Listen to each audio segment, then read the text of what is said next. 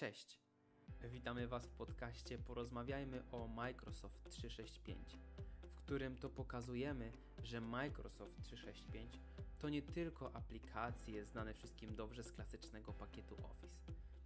Przedstawiamy w nim poszczególne narzędzia czy rozwiązania dostępne w ramach platformy Microsoft 365, a także rozmawiamy o ideach czy narzędziach związanych z cyberbezpieczeństwem. Nasz podcast dostępny jest na YouTube oraz najpopularniejszych platformach podcastowych.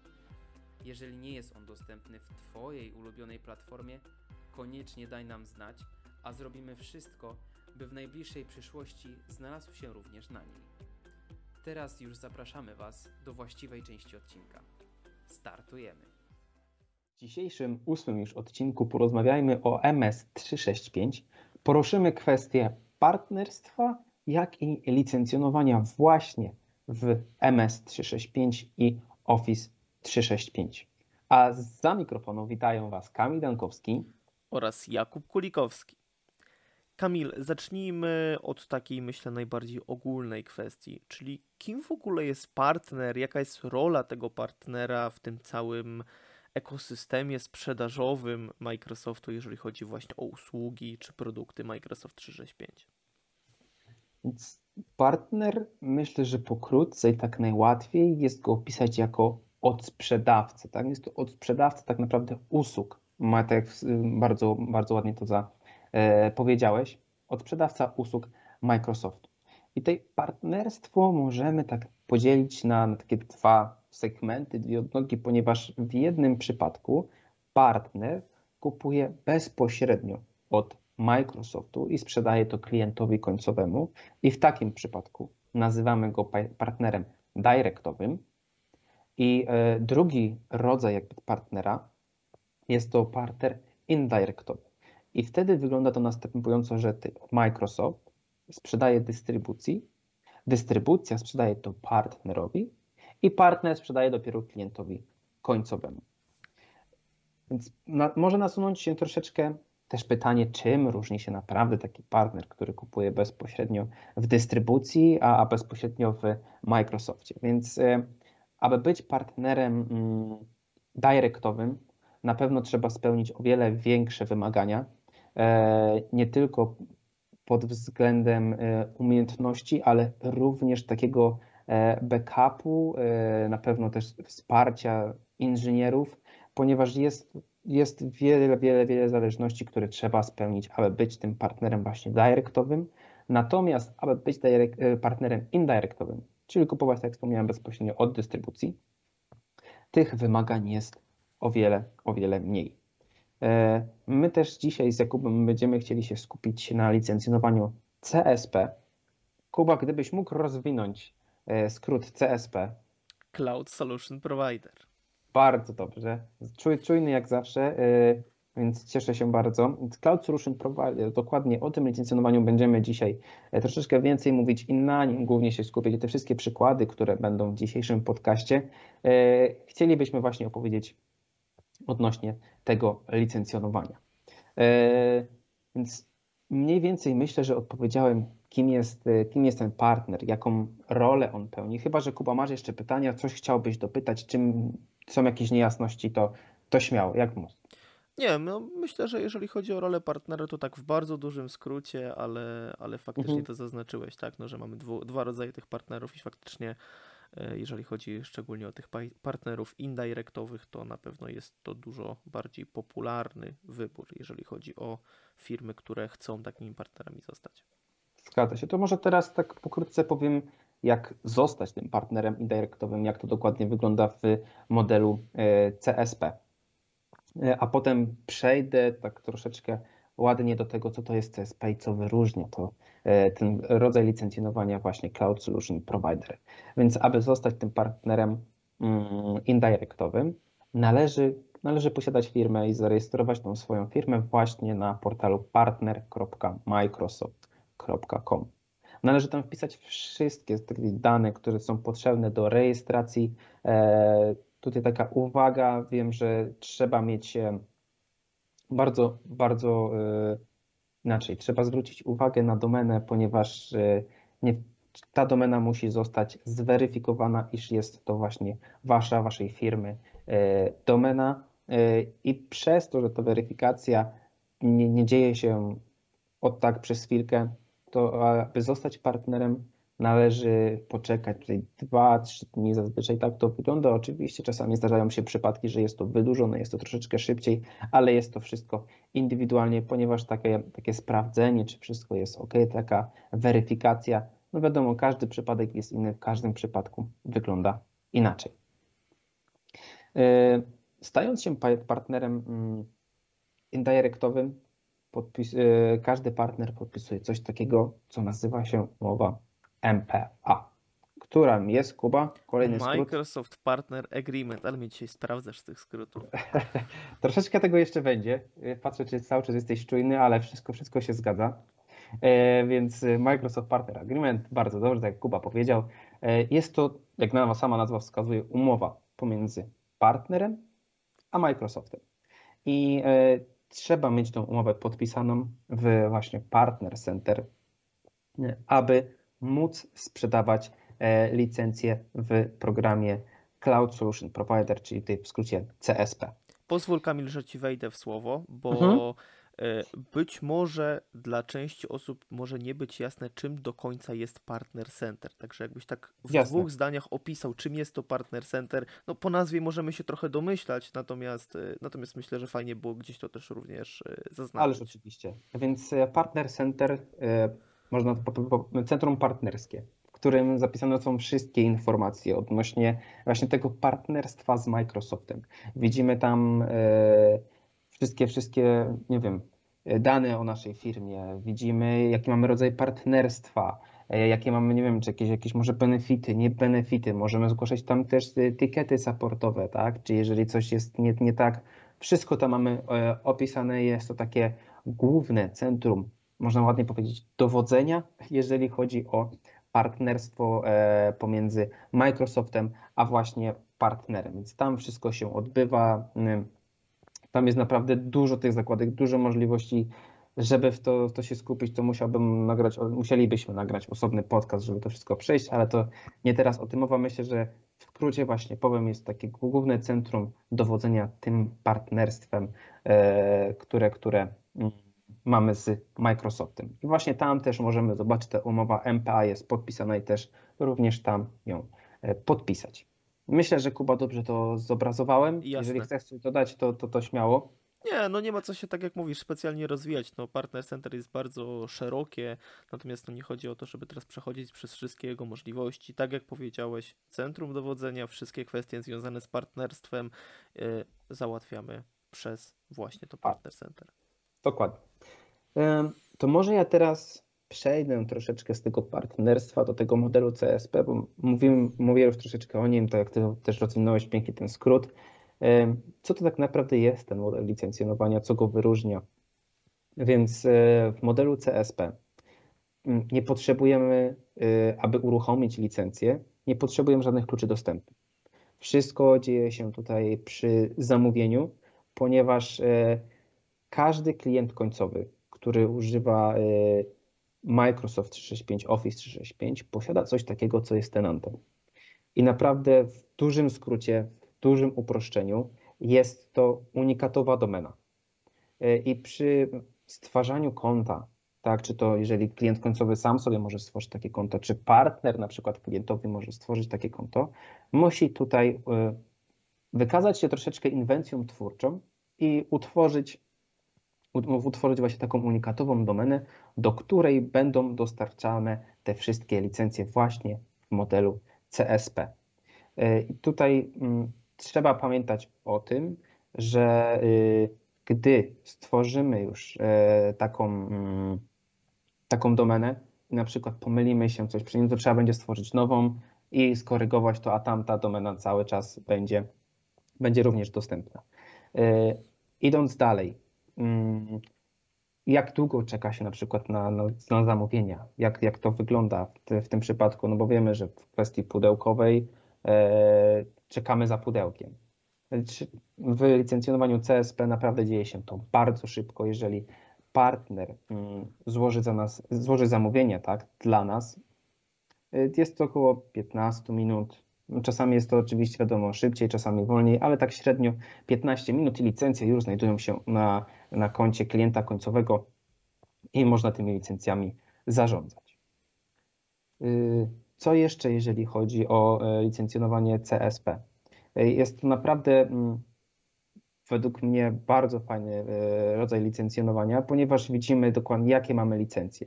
Widzimy, znaczy partner również widzi, kiedy ta licencja została zakupiona.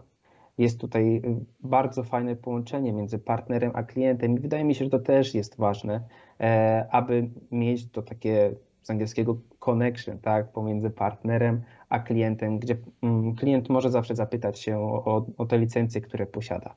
E, może zwrócić się do niego również z, z pomocą, jeżeli ma jakiś problem przy, przy wyborze jakiejkolwiek licencji. No właśnie, Kamil. Yy, mhm. Zadam takie pytanie z perspektywy klienta końcowego. Oczywiście, Czy ja tak. muszę kupować licencję Microsoft 365, abstrahuję od kwestii pudełek i tak dalej, czy mhm. muszę je kupować od partnerów? E, oczywiście nie, że nie. Bardzo dobrze, że o tym wspomniałeś. E, również te licencje mm, można zakupić bezpośrednio z Microsoftu, lecz to, co przed chwilą powiedziałem, nie ma tych dodatkowych benefitów, które wynikają z zakupu u, u partnera, ponieważ e, po pierwsze partner y, wdrażając te licencje u różnych klientów ma oczywiście większe doświadczenie. Zawsze doradzi, jakie są dla nas odpowiednie licencje, tak dla klienta końcowego. Pokaże może też jakieś dodatkowe możliwości, o których nie wiedzieliśmy, nie doczytaliśmy, nie zobaczyliśmy, więc mm, pomoże przy jakichś błędach, jeżeli mamy jakiś ticket serwisowy, bo na przykład nam coś nie działa, partner również może nam w tym pomóc.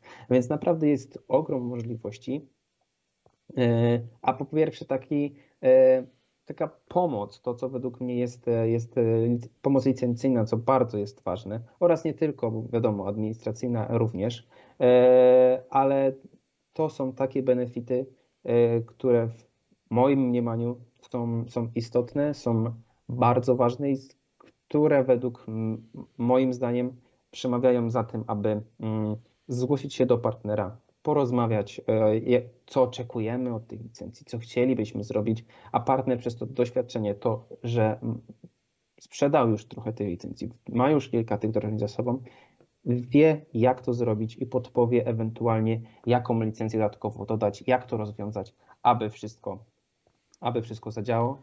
zadziałało. No, szczególnie chyba w takim przypadku, jeżeli firma gdzieś nie ma zbyt rozbudowanego działu IT albo nie ma specjalistów, którzy faktycznie w chmurze się odnajdują i będą potrafili zrobić to sami. Często spotykamy się z takimi scenariuszami, że partner jednocześnie świadczy takie usługi outsourcingu, no i oprócz tego, że jest naszym takim opiekunem, jako, naszym jako klienta końcowego, e, jeżeli chodzi o te kwestie związane z licencjami, e, to jeszcze bezpośrednio albo świadczy nam takie usługi, jest takim zewnętrznym właśnie działem IT, albo po prostu pomaga na etapie wdrożenia i może na przykład przeszkolić naszych, y, nasze osoby, tak w naszej firmie, które w tym dziale IT pracują, żeby dalej y, byli w stanie chociaż w takim podstawowym zakresie nad tym wszystkim panować. Zgodzisz się Kamil ze mną? Czy Ale jak najbardziej, jak najbardziej i mm, powiedziałeś coś, co według mnie jest bardzo ważne i o czym też myślę, mogę wspomnieć później, czyli właśnie to szkolenie ponieważ y, wdrożenie to jest jedno, ale później przeszkolenie tych wszystkich osób w organizacji, jak poprawnie korzystać z tego wszystkiego, to jest według mnie również bardzo ważna rzecz, aby pokazać wszystkie tak naprawdę możliwości,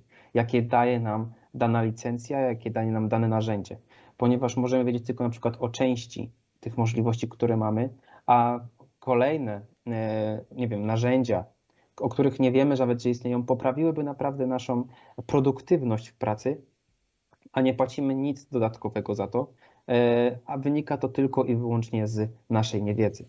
Więc tutaj szkolenie jest to kolejny jakby aspekt, dzięki czemu e, ta kwestia partnera tak, rośnie. Myślę, że Kuba to też jest taki naprawdę bardzo ważny aspekt, o którym należy też mówić i zwracać, uwagę. Mam nadzieję, że się ze mną zgodzisz. Oczywiście, jasne. Y, natomiast Kamil, odbijmy troszeczkę w inną stronę. Powiedz mi, mhm.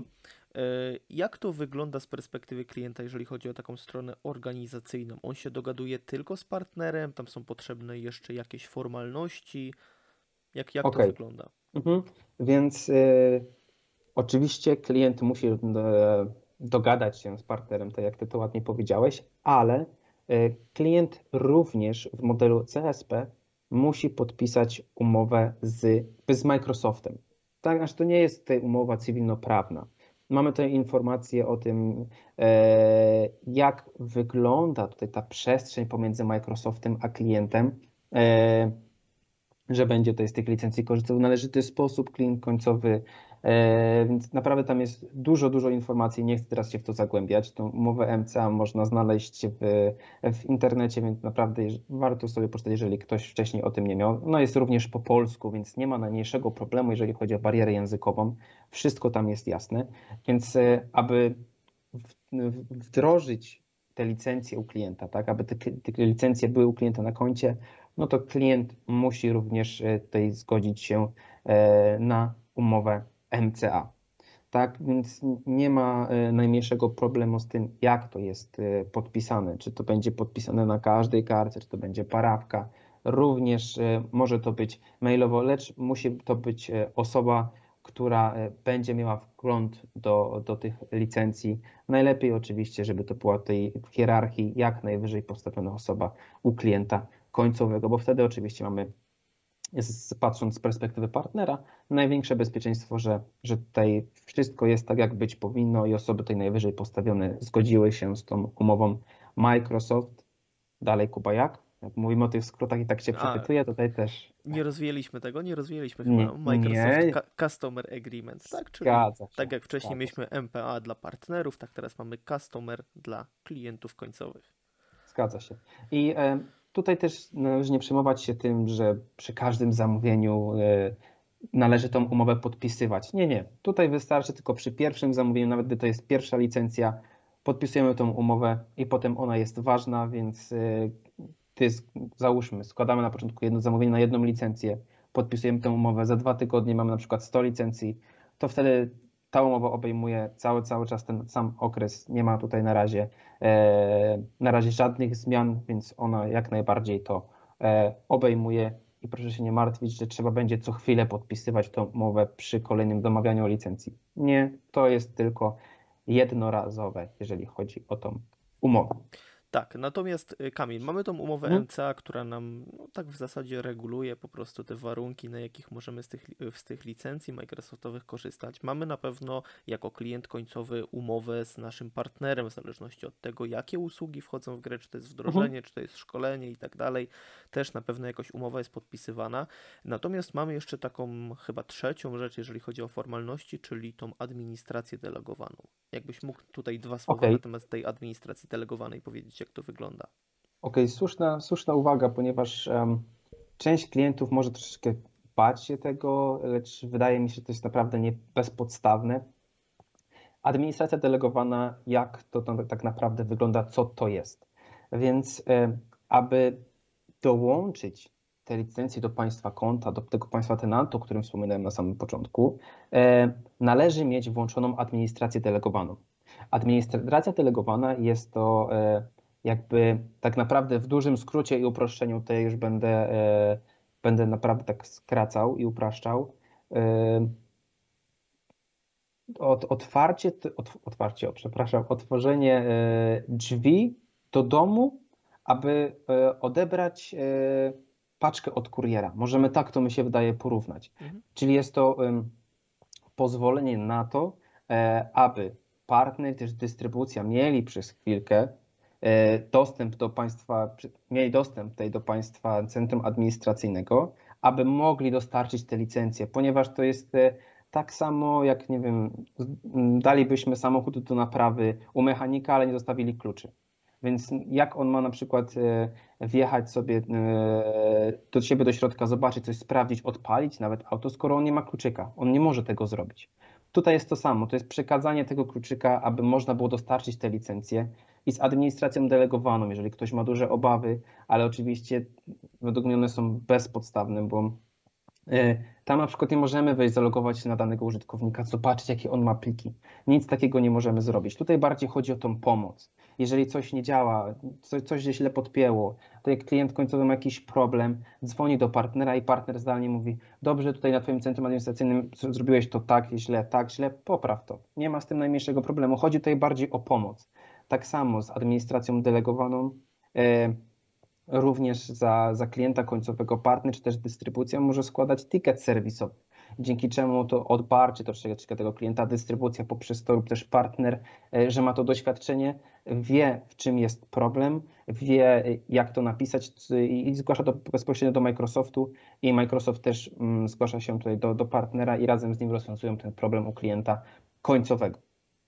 Więc tutaj na, e, jeszcze na, wspomnę, że tą administrację delegowaną, jeżeli ktoś naprawdę obawia się tego, to po dostarczeniu tych licencji można, można ją odebrać i tutaj ani partner, e, ani dystrybucja nie ma, nie ma dostępu jakby do, do państwa konta.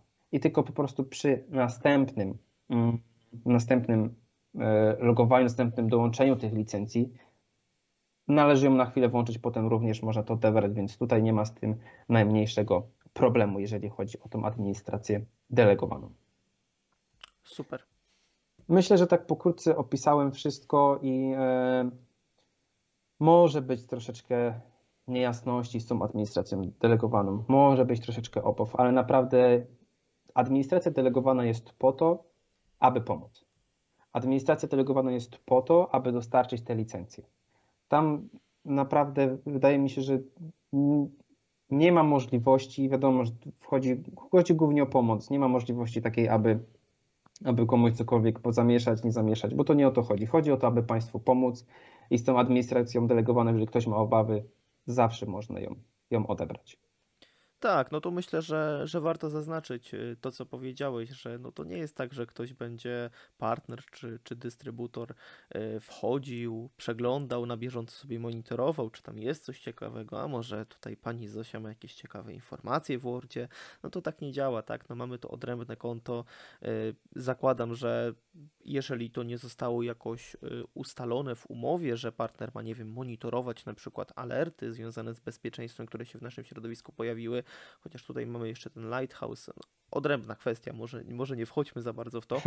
E, natomiast to nie jest tak, że ktoś tam będzie na bieżąco zaglądał i, i to wszystko robił bez jakiegokolwiek uzgodnienia tego z klientem, tak? No, też wszystkie ruchy, które będą wykonywane, tak jak wspomniałeś, to nie będą ruchy, które będziemy wykonywali z konta pani Zosi, pana administratora czy kogokolwiek innego, tylko to jest odrębne konto. Wszystkie czynności, które są w tym środowisku robione, widać, że są robione po prostu przez osobę, która jest tutaj od e, oddelegowana z ramienia partnera czy z ramienia dystrybutora.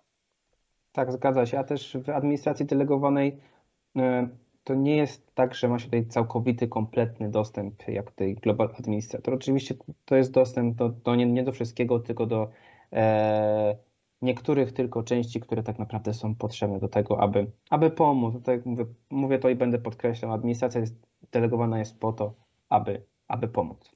Kamil, a jeszcze jedno pytanie. Mhm. Y, podejrzewam, że trudne. Okay. Natomiast nasunęło mi się, bo mamy taką usługę, wiesz co, jak Customer Logbox, y, która w przypadku, gdy inżynier z Microsoftu wchodzi w środowisko, nie pozwala mu się dostać bez odpowiedniego pozwolenia do określonych części środowiska.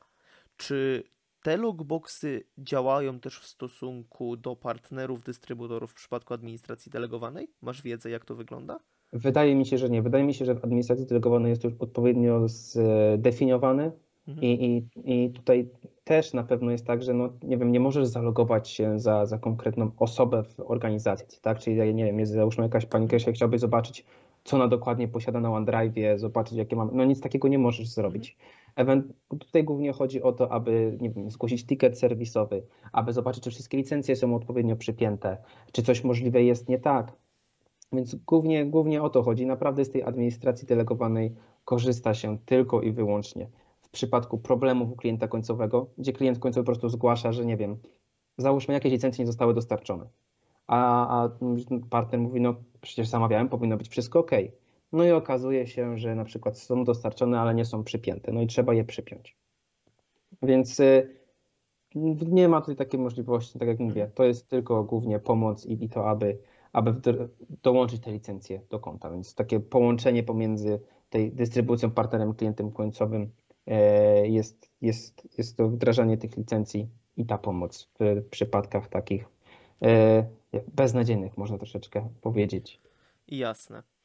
No dobra, powiedzieliśmy trochę o partnerstwie, o partnerach, którzy te licencje do klientów końcowych dostarczają, natomiast y, no, w temacie dzisiejszego odcinka mieliśmy nie tylko partnerstwo, ale też właśnie licencjonowanie, dlatego że myślę, że już y, płynnie przejdę do tej kwestii licencji, chyba że Kamil jeszcze chcesz jakoś zamknąć tą kwestię partnerstwa, coś jeszcze dorzucić, o czymś nie powiedzieliśmy. Nie, nie, no myślę, że tutaj jasno wszystko powiedziałeś i, i teraz właśnie fajnie byśmy, byśmy przeszli tych licencji, więc ja tylko może tak wstępem, słowem wstępu, że w licencjonowaniu CSP, oprócz tego, co Kuba za chwilkę będzie mówił, czyli będzie mówił tutaj głównie Modern Work, czyli Microsoft 365 i Office 365, to to mm, licencjonowanie CSP to nie jest tylko i wyłącznie Modern Work. Mamy tam również Perpetual Software, mamy Software Subscription, mamy rezerwację maszyn, więc naprawdę schodzi tam w skład e, troszeczkę więcej możliwości, aczkolwiek CSP z racji tego, że głównie właśnie powstało dla mm, Microsoft 365, Office 365, e, kojarzone jest właśnie z tymi licencjami. No i Kubie teraz oddam głos, jeżeli chodzi o to licencjonowanie właśnie e, Modern Work, czyli Microsoft 365 i Office 365 w CSP. Tak, tych licencji trochę mamy i trzeba sobie powiedzieć wprost, że o ile pozornie mamy sobie dobrać odpowiednie licencje, czy partner na przykład dobierze nam odpowiednie licencje, o tyle jak zagłębimy się w te tematy, to to licencjonowanie jest naprawdę zawiłe, jeżeli wykorzystujemy jakieś nietypowe scenariusze. Natomiast tak ogólnie, jak dzielimy te licencje, które w ramach Microsoft 365 możemy zakupić, czy które są w ramach tego Microsoft 365 dostarczane? No, mamy trochę takie, powiedziałbym, pojemniki y, na licencje, które też nazywamy licencjami, ale na potrzeby y, wytłumaczenia tego nazwijmy takim, takimi pojemnikami.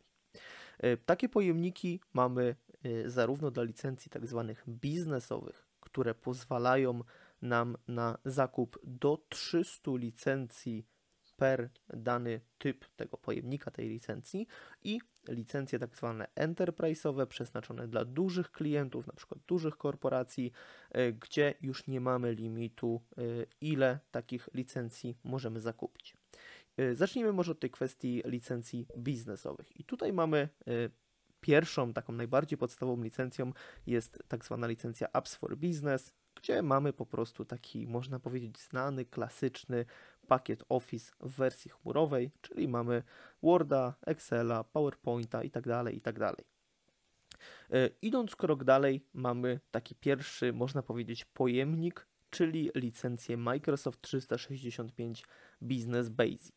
Dlaczego? A to ja tylko wejdę no, Ci w słówko, e, śmiało. ponieważ jeżeli, jeżeli chodzi o apps e, for business, mhm. należy pamiętać o tym, że oprócz tych aplikacji klasycznych, o których słusznie wspomniałeś, mamy jeszcze OneDrive 1 Tera. Więc to, ten OneDrive 1 Tera i przestrzeń dyskowa, ona jest w każdej z tych licencji, więc tutaj jeżeli o to chodzi, nie ma, nie ma się co stresować, ten OneDrive też również jest, więc taka tylko moja, e, moja mała anegdotka i możesz już z tej z kolejną licencją jak najbardziej tłumaczyć. Słuszna uwaga, jak o czymś zapomnę, to jak najbardziej się wcinaj i przypominaj.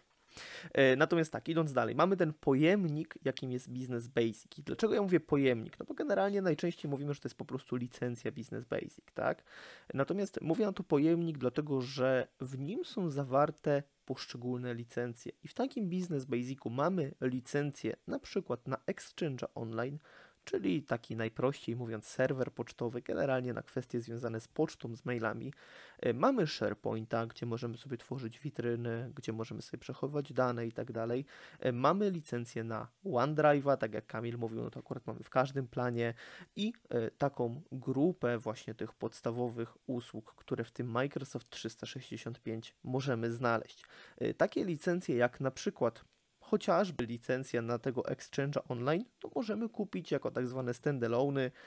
Nie wszystkie licencje możemy tak kupić, akurat w przypadku Exchange'a możemy to zrobić, e, gdzie kupimy sobie na przykład samą pocztę. Nie musimy wtedy wchodzić w całego Business Basica. Będzie to oczywiście tańsze, natomiast gdybyśmy chcieli kupić pojedynczo wszystkie licencje, które wchodzą w skład tych pojemników, to naturalnie będzie drożej, no bo jak to zwykle bywa, czy tutaj w przypadku licencji, w przypadku Microsoft 365, czy w jakikolwiek innym przypadku tak naprawdę, jeżeli kupujemy coś w grupie, to przeważnie jest taniej. I tak to właśnie tutaj działa. Dlatego też mamy właśnie te kilka licencji z tych podstawowych usług, tak jak mówię, Exchange, y, SharePoint, OneDrive, co tam jeszcze Kamil mamy w Basicu? No ależ oczywiście bardzo popularne podczas pandemii i po niej Teamsy. Teamsy. Tak jest, więc to też jest bardzo ważny aspekt, bo Teamsów y, jako takich nie możemy kupić, jeżeli mówimy tutaj o biznesowych samych. Tak, nie ma tutaj standalone, tak Kuba bardzo ładnie powiedziałeś, że mamy Exchange'a, możemy kupić tutaj SharePointa w planie pierwszym, OneDrive'a w planie pierwszym, tak samych Teamsów nie możemy kupić. Ale o tym, z tego co pamiętam, już wcześniej rozmawialiśmy w którymś z poprzednich odcinków, do których Was serdecznie zapraszamy. Zgadza się. I tam, I tam troszeczkę więcej mówiliśmy o tej integracji pomiędzy poszczególnymi narzędziami.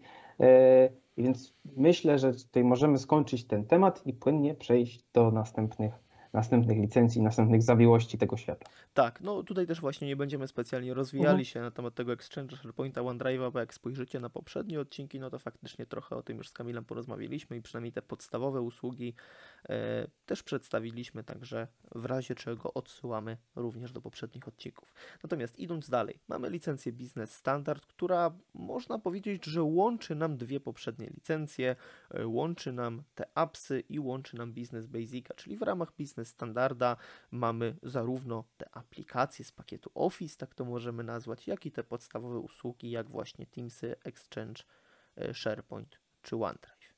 I w licencjach biznesowych do tego dochodzi nam jeszcze taka licencja jak Business Premium, która zawiera dodatkowo szereg różnych licencji związanych z bezpieczeństwem. Czy to licencje, no w licencji to jest akurat Azure Information Protection, natomiast jeżeli chodzi o sam mechanizm, to tak naprawdę Microsoft Information Protection, e, czy licencję związaną z Intune'em, czyli Microsoft Endpoint Managerem, e, czy licencję z Azure Active Directory, dokładnie Azure Active Directory w planie pierwszym, bo tam znowu nam się tutaj ta, ta kwestia licencjonowania troszeczkę rozgałęzia i e, w samym Azure Active Directory, które jak już ustaliliśmy też na przestrzeni poprzednich odcinków, wchodzi w skład Microsoft 365 mimo tego przedrostka Azure. E, również mamy kilka licencji i kilka różnych możliwości. Także myślę, żeby tak najprościej e, zapamiętać, z czym wiążą się poszczególne licencje, to mamy appsy, appsy, łatwo skojarzyć appsy, aplikacje, tak, czyli mówimy o pakiecie Office. Mamy Business Basic, gdzie nie mamy aplikacji, ale mamy te wszystkie usługi, które, te podstawowe usługi, które są w Microsoft 365 dostępne. Business Standard, gdzie mamy i aplikacje, i te usługi oraz Business Premium, gdzie mamy i aplikacje, i usługi, i do tego jeszcze szereg różnych rozwiązań związanych z bezpieczeństwem. Dokładnie. Ja tylko wejdę Ci jeszcze w mhm. słówko, bo pewnie o tym pamiętasz, na pewno o tym pamiętasz, ale nie wspomniałeś, czyli update do Windowsa 10 Pro, który jest, jest właśnie w e, Microsoft 365 Business Premium. I tutaj podkreślam słowo upgrade. Tak, więc trzeba to pamiętać, że to nie jest licencja taka podstawowa, gdzie mamy kupujemy tutaj komputer i instalujemy, nie, to jest upgrade, więc tam musi być jakaś podstawa. Podstawą może być Windows 7 Pro, Windows 8.1 Pro, ale musi być e, ta podstawa i dopiero wtedy możemy update'ować nasz komputer do Windowsa 10 Pro. A mam do Ciebie, Kuba, jeszcze jedno pytanie. Bo tak patrząc właśnie teraz z perspektywy klienta, wspomniałeś, że to może być tylko 300 licencji. Mhm. Gdybyś mógł powiedzieć troszeczkę więcej o tym, bo tutaj może być takie, że nie wiem, łącznie tych wszystkich licencji może być 300, czy można to jakoś miksować? Gdybyś mógł to wytłumaczyć, jak to, jak to wygląda? Można to miksować, jak najbardziej. Można to miksować chyba y, w szczególności w taki sposób, tak jak mamy to wprost w dokumentacji napisane, że to jest 300 y, użytkowników per licencja. Czyli możemy mieć okay. na przykład 300 użytkowników, y, którzy korzystają z Business Standarda i 300 użytkowników, którzy korzystają z Basica czy z Business Premium. Tutaj z tym nie ma problemu, natomiast nie możemy przekroczyć y, tej bariery 300 użytkowników. Okej, okay, dobra, super. Tyle, bardzo, bym, bardzo tyle bym dziękuję. powiedział na ten temat. Także tak, jak najbardziej możemy to miksować. Natomiast gdyby nam jednak brakło tych licencji i gdybyśmy chcieli e, przypisać je dla większej liczby użytkowników, bo nasza firma więcej pracowników posiada, no to mamy właśnie te licencje enterprise'owe. I tutaj już ten wybór robi się spory, dlatego że przede wszystkim mamy takie licencje jak e, tak zwane F czyli Frontline Workers, czy mamy na przykład licencję Microsoft 365 czy Office 365, bo tutaj też taki podział musimy wprowadzić, zaraz sekundę do tego dojdziemy, e, gdzie mamy właśnie licencje na przykład F1, F3, które zawierają poszczególne produkty dla pracowników, na przykład magazynowych, na przykład pracowników, którzy generalnie e, zgodnie z tym, jak to jest określone, spędzają mniej niż 50% czasu przy komputerze i też korzystają z, e, w większości w pracy z urządzeń o przekątnej ekranu poniżej 10,1 cala. Dobrze, Kamil, pamiętam. Zgadza się dokładnie. Tak, i w tych, te licencje są mocno okrojone, tak naprawdę, jeżeli chodzi o wszystkie usługi. Tutaj na przykład zamiast tego 1 terabajta danych na OneDrive mamy raptem 2 GB, także duża zmiana. E, poszczególne kolejne usługi też są okrojone. Patrząc chociażby na aplikacje, nie możemy takich aplikacji w ramach tej licencji ściągać w formie właśnie takich aplikacji na nasz komputer. Możemy z nich korzystać tylko poprzez przeglądarkę w tych wersjach online'owych, które są fajne, są dostępne, można z nich korzystać, ale w praktyce one nie zawierają wszystkich funkcjonalności e, względem tych aplikacji, które instalujemy na naszym komputerze. Chociażby prosty przykład w Excelu, jeżeli chodzi o filtrowanie, możliwości filtrowania jakichś danych w tabelach w tej wersji onlineowej są dużo węższe aniżeli w przypadku y, aplikacji desktopowych. Podobnie jeżeli chodzi o chociażby makra, Część firm korzysta z takich makr, tworzy takie arkusze, które na bazie tych makr działają. E, tutaj również z tego co pamiętam makr e, nie możemy wykorzystywać, a na pewno tworzyć w aplikacjach online'owych tylko musimy to robić poprzez te aplikacje tak zwane desktopowe, czyli te, które instalujemy na naszych komputerach. Także mocno okrojone licencje, no ale do wykorzystania w specyficznym scenariuszu, gdy na przykład na magazynie, tak, pracownik chodzi z tabletem, mamy jakieś aplikacje, potrzebuje jakiegoś prostego dostępu, nie wiem, do Excela, gdzie będzie zapisywał, że tyle i tyle towaru zeszło aktualnie z magazynu, wtedy takie licencje znajdują swoje zastosowanie. Natomiast jeżeli chodzi o te powiedzmy normalne biurowe licencje, to tutaj e, mamy troszeczkę większe rozgałęzienie, dlatego że w przypadku licencji biznesowych mieliśmy wyłącznie licencję Microsoft 365. Natomiast y, w przypadku licencji enterprise'owych mamy licencję Microsoft 365 oraz licencję Office 365. Tak, i tutaj wchodzimy już w tą nomenklaturę, nomenklaturę enterprise'ową, czyli mamy licencję y, na przykład Office 365 E1, E3, E5 i tak samo Microsoft 365 mamy licencję E3, mamy licencję E5. E, na czym polega różnica? One często są e, takimi trochę no delikatnie zmodyfikowanymi, natomiast z grubsza odpowiednikami licencji biznesowych.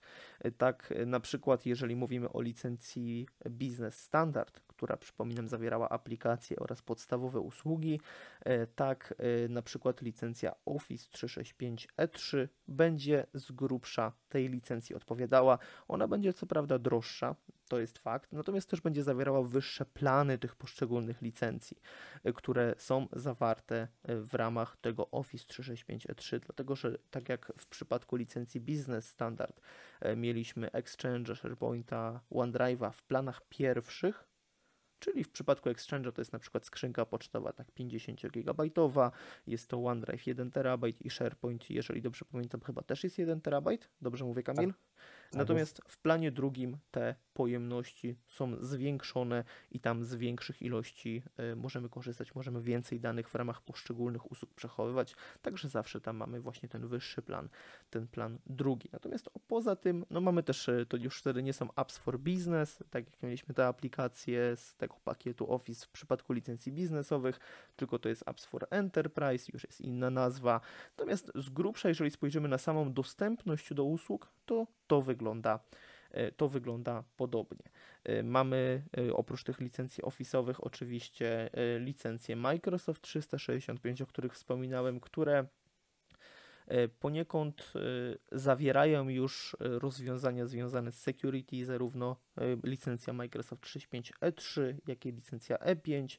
Naturalnie, jak się możemy domyślać, licencja E5 jest wyższą licencją i to jest w ogóle najwyższa licencja, jaka jest dostępna w Microsoft 365 i już zawiera praktycznie wszystkie funkcjonalności, jakie Microsoft 365 oferuje.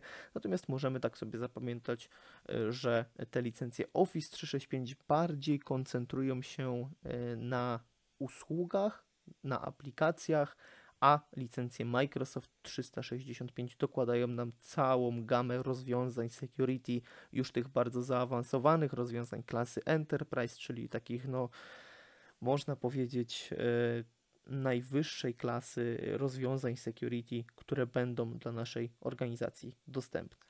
Oczywiście takie licencje też możemy sobie łączyć w inny sposób. Mamy licencje na przykład tak zwane EMS, czyli Enter, Enterprise Mobility and Security, które możemy dokładać do poszczególnych licencji. Mamy licencje EMS E3, E5, które e, zawierają w sobie różne, różnego typu rozwiązania security. W przypadku EMS E3 to jest właśnie to, co jest nam potrzebne do zarządzania takim, taką mobilnością, tak jak sama nazwa wskazuje, czyli możliwością, nie wiem, wynoszenia komputerów poza naszą firmę, czyli Intune, Microsoft Endpoint Manager, czyli e, Microsoft Information Protection, gdzie możemy takie dane szyfrować e, i tak dalej, i tak dalej. W przypadku E5 tam jeszcze dochodzi trochę rozwiązań typu Defender for Identity, czy innych rozwiązań, które pozwalają nam zbierać E, informacje z tych urządzeń, generują nam alerty, jeżeli coś się dzieje, jeżeli chodzi o to bezpieczeństwo i też pomagają nam w ten sposób odpowiednio szybko reagować i zabezpieczyć nasze urządzenia. Także tutaj już troszeczkę wychodzimy z tych kontenerów, wchodząc w te licencje EMS-owe i e, w EMS-owych licencjach mamy wyłącznie te rozwiązania security.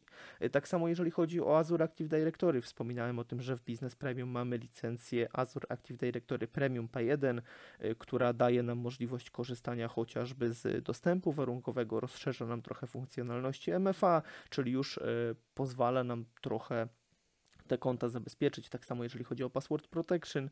E, natomiast e, na przykład w licencji Microsoft 365 E5 mamy już licencję Azure Active Directory Premium P2 bo tu znowu mamy to rozgałęzienie na różne licencje, jeżeli chodzi o Azure Active Directory. I w P2 już nam dochodzą rozwiązania typu Privilege Identity Management, czyli rozwiązanie, o którym ostatnio rozmawialiśmy, które pozwala nam na nadawanie uprawnień administracyjnych na dany określony, no, dany określony czas czy mamy na przykład takie rozwiązanie jak e, pakiety dostępu, o których też ostatnio mówiliśmy, także tutaj odsyłam do poprzedniego odcinka. No jest dużo, dużo różnych możliwości i tak naprawdę to, to, o czym chciałbym powiedzieć, to żeby spojrzeć na te licencje trochę jak na takie kontenery i wczytać się, jakie licencje w skład tych kontenerów wchodzą, żebyśmy mieli dokładny obraz. Myślę, że nie ma sensu tutaj wymieniać dokładnie, co jest w każdej licencji.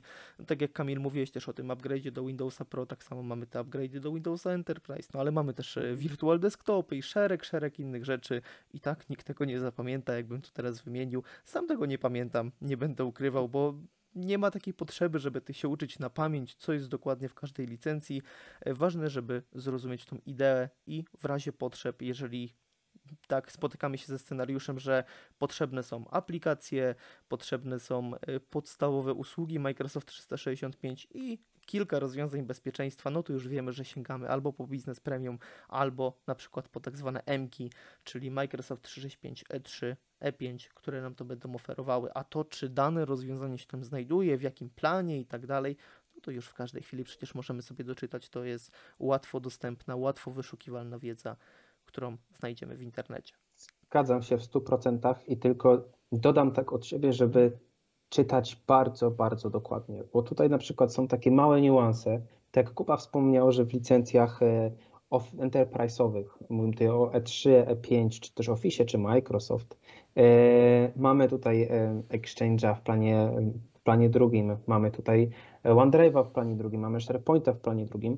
Na przykład OneDrive w planie drugim daje nam możliwość zwiększenia tej przestrzeni dyskowej.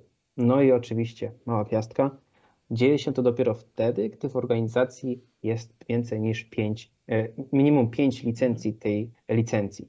E, więc to są takie naprawdę małe szczegóły, których trzeba doczytać, bo jeżeli kupimy jedną taką licencję, to nie, nie oznacza, że ta osoba od razu będzie miała tych 5 terabajtów, nadal będzie to 1 terabajt, dopiero gdy będziemy mieli 5 takich właśnie licencji, automatycznie dostaniemy tych 5 tera na jednego użytkownika, więc tak jak Kuba wspomniał zgadzam się w 100%. Nie należy pamiętać wszystkiego, bo po to są wszystkie dokumenty, po to, jeżeli czegoś potrzebujemy, wystarczy przeglądarka internetowa, czytamy, wyszukujemy to, co jest potrzebne, tylko trzeba po prostu czytać dokładnie.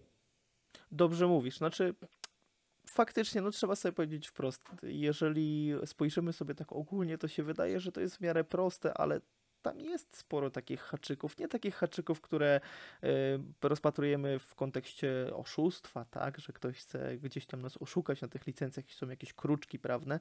Natomiast jest dużo takich y, wymagań, w które trzeba się wczytać i tutaj znowu y, można podkreślić tą rolę partnera i dystrybutora, tak? Jeżeli jesteśmy klientem końcowym, no to osoby, które pracują w tej firmie, która jest naszym partnerem, partnerem Microsoftu, e, czy e, którzy pracują w dystrybucji, oni od wielu lat często zajmują się tymi licencjami, znają te wszystkie warunki, które muszą wystąpić, potrafią dobrze dobrać licencję i odpowiedzieć na pytania, czy coś w danej licencji się znajduje, czy coś trzeba będzie dokupić, a być może skorzystanie z takich i takich licencji da nam pewną optymalizację kosztową.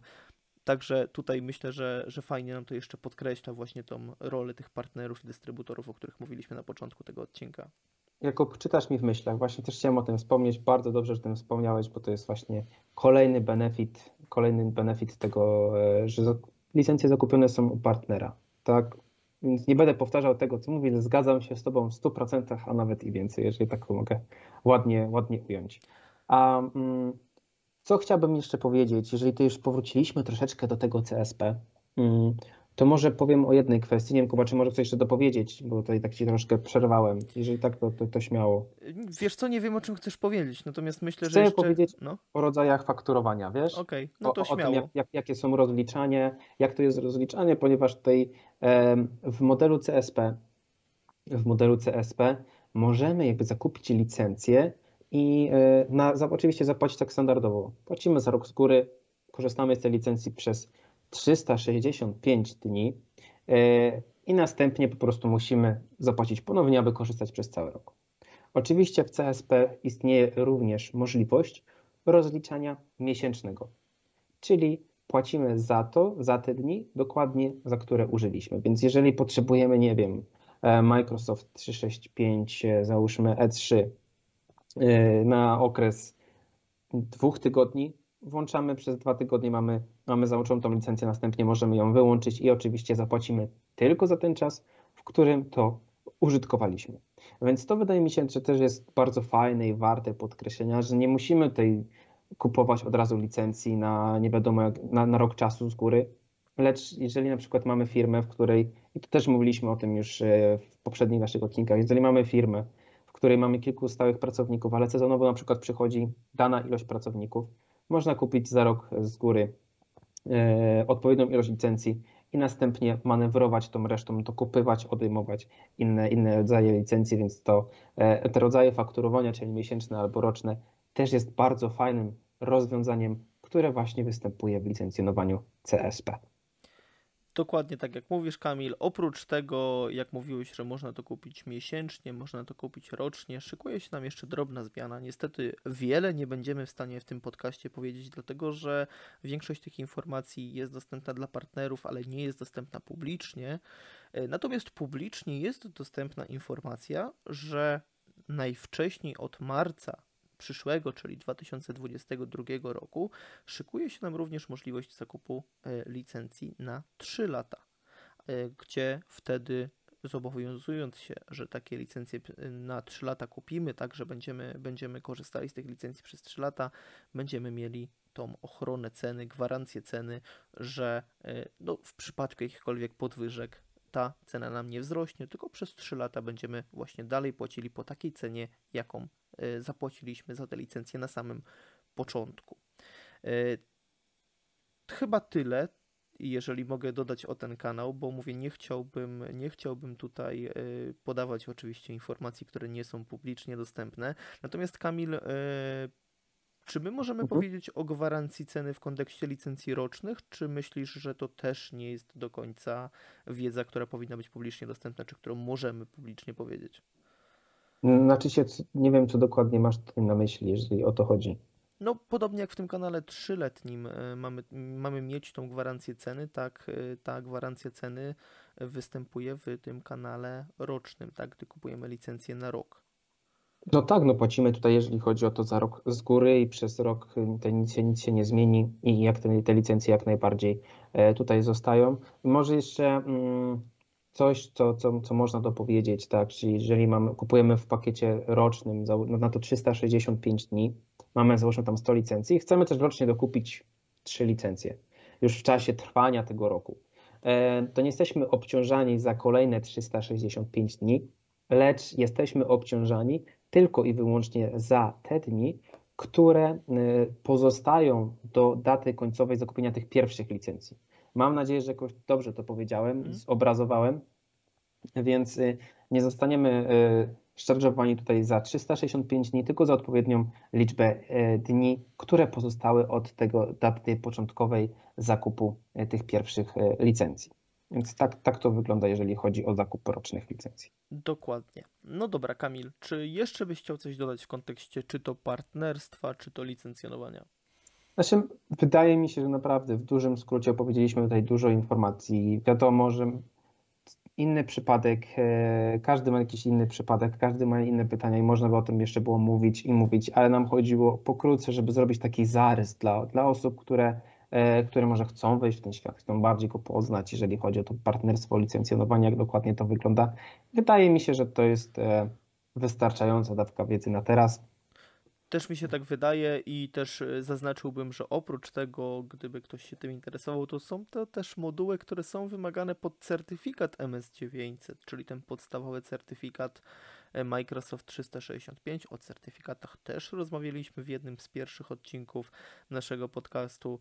Tam również mamy takie zagadnienia jak właśnie CSP, czy jak kwestie licencyjne. Także myślę, że takie ogólne zrozumienie, to co dzisiaj powiedzieliśmy, będzie zdecydowanie wystarczające, żeby być w stanie na te pytania, które na e, tym egzaminie e, związanym z certyfikatem MS900 mogą się pojawić. Zgadzam się. No, więc pozostaje nam tylko podziękować za, za odsłuchanie naszego podcastu. Zaprosić Was oczywiście, jeżeli nie słuchaliście poprzednich, do poprzednich e, odcinków. E, życzyć e, miłego dnia. Jeżeli ktoś to słucha wieczorem, to może miłego wieczoru, oczywiście. No i do usłyszenia w takim razie w następnych odcinkach. Dzięki, do usłyszenia.